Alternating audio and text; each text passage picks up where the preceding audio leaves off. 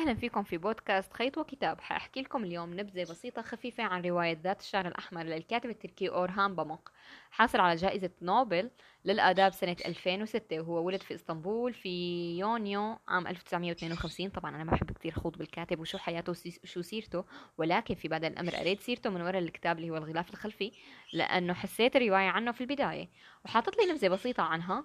الرواية بتحكي عن طفل آه، أبوه صيدلاني ترك فجأة البيت وتركهم هو وأمه وغادر فاضطروا يعيشوا عند زوج خالته واضطر هونيك يشتغل بين بستاني وبين بائع كتب. صراحة أحلى شيء تكون قارئ وتسمع أنه بطل الرواية بيحب الكتب. هذا ألذ شيء بلاقيه في الحياة أنا أنه ياي في حدا عم يبادلني شغفي كمان. بعدين اضطر أنه يشتغل مع قسطة اللي هو حافر آبار ويسافر معه لبلدة تانية لحتى يحفر معه الآبار. وهون بدأت المغامرات. أنا لحد هون عم بقرأ بتروي قلت الرواية حتاخذ معي ثلاث أربع أيام مو أكثر يعني خمسه ان كترت ولكن مستحيل خلصها بيوم ما كان خاطرت لي هالفكرة حتى. قبل النوم قلت يلا يا بنت بس هيك اقري لك كم صفحة وروحي نامي. صار موقف بينه وبين القسطى اللي هو القسطى محمود. نطيت نط مسكت الرواية من الساعة خمسة الصبح كنت كنت مصلية الفجر وبدي نام.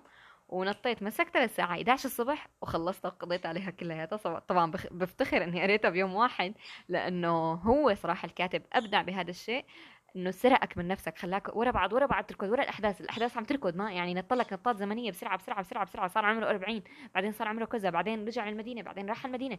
فاحداثها صراحة جدا مشوقة طبعا ما حبيت فيها إنه فيها مقاطع زائدة 18 هذا الشيء ما بشجع غيري يقرا لأنه يعني فيها مقطعين ثلاثة يمكن. بهذا الباب وهذا المجال فأنا ما بحب الروايات اللي هيك بتحكي إنه أنا برأيي الكتاب كتاب أدبي ما لازم ينحكى فيه هيك مواضيع. ولكن يعني كمان لا أعلم لماذا طلعت هيك المقاطع مو ما إلى ذلك. آه رواية كانت صراحة رائعة الصدمة كانت في النهايه غريبة. صدمت. يعني هو شوف من البداية الكاتب مهد لك شو حيصير في النهاية. كنت متوقعة ولكن عم أقول سوف لنفسي لا لا لا يا فرح إن شاء الله نهاية حلوة. لا لا لا أكيد مو مثل ما عم يحكي.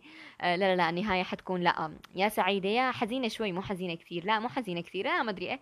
المهم ما حأحرق النهاية عليكم لأنه بدي إياكم تقرأوها رغم إنه ما كثير بشجع تجاوزوا الصفحات اللي فيها بعض هي المقاطع اللي ما لها داعي.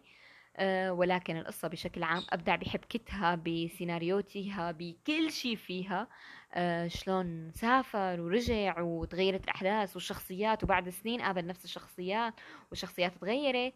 وبعدين الفصل الثالث اللي عم يحكي فيه هو ذات الشعر الأحمر نفسه.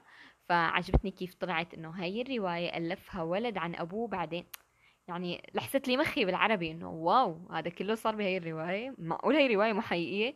صرت طالع لا لا لا أكيد مقتبسة من أحداث حقيقية بالحياة. يعني بتحسها واقعية بتحسها كأنه من حياتنا. المدينة المكان التل الجبل كل هذا حكيها وكأنه واقع من حياتنا وحاصلة في إسطنبول بالفعل. وكانه رواية لشخصيات واقعية مو شخصيات خيالية. فرواية صراحة سرقتني من نفسي. صح ما حرقت عليكم أحداث كتير إن شاء الله ما أكون حرقت لأني أنا هوايتي إني أحرق على الناس ولكن حاولت أقاوم بهي الحلقة إني ما أحرق أي حدث من أحداثها. بشكل عام الرواية ممتعة. بتسرقك بتخليك تسافر لإسطنبول وبتخليك تركض ورا بعضها لتشوف وبعدين شو صار بالقصة؟ شو صار بجيم شو صار بذات الشعر الأحمر؟ اللي هي ماني متذكرة شو اسمها لأنه ما حفظتها غير ذات الشعر الأحمر. واركض ورا بعضها ورا بعضها وأنا طالع طيب عنوان الرواية ذات الشعر الأحمر؟ وين ذات الشعر الأحمر؟ طلع لي إياها بقى. فاركض برواية لحتى أوصل لهي ذات الشعر الأحمر. مين هي؟ ليش هي؟ طيب مين هي؟ شو عم تعمل؟ شو عم تساوي؟ ليش هيك عملت؟ ليش هيك ساوت فتساؤلات كثيره الكاتب صراحة بطل بهالأسلوب إنه جذبك وخلاك تنسرق من نفسك وتكمل الرواية غصبا عنك. فهي إحدى الروايات اللي أجبرتني على إكمالها غصبا عني بيوم وليلة واحدة فقط. فحبيت أحكي لكم نبذة بسيطة عنها. إن شاء الله تكونوا استفدتوا وإن شاء الله ما أكون حرقت عليكم أي شيء من أحداثها. كانت معكم فرح طبان من بودكاست خيط وكتاب.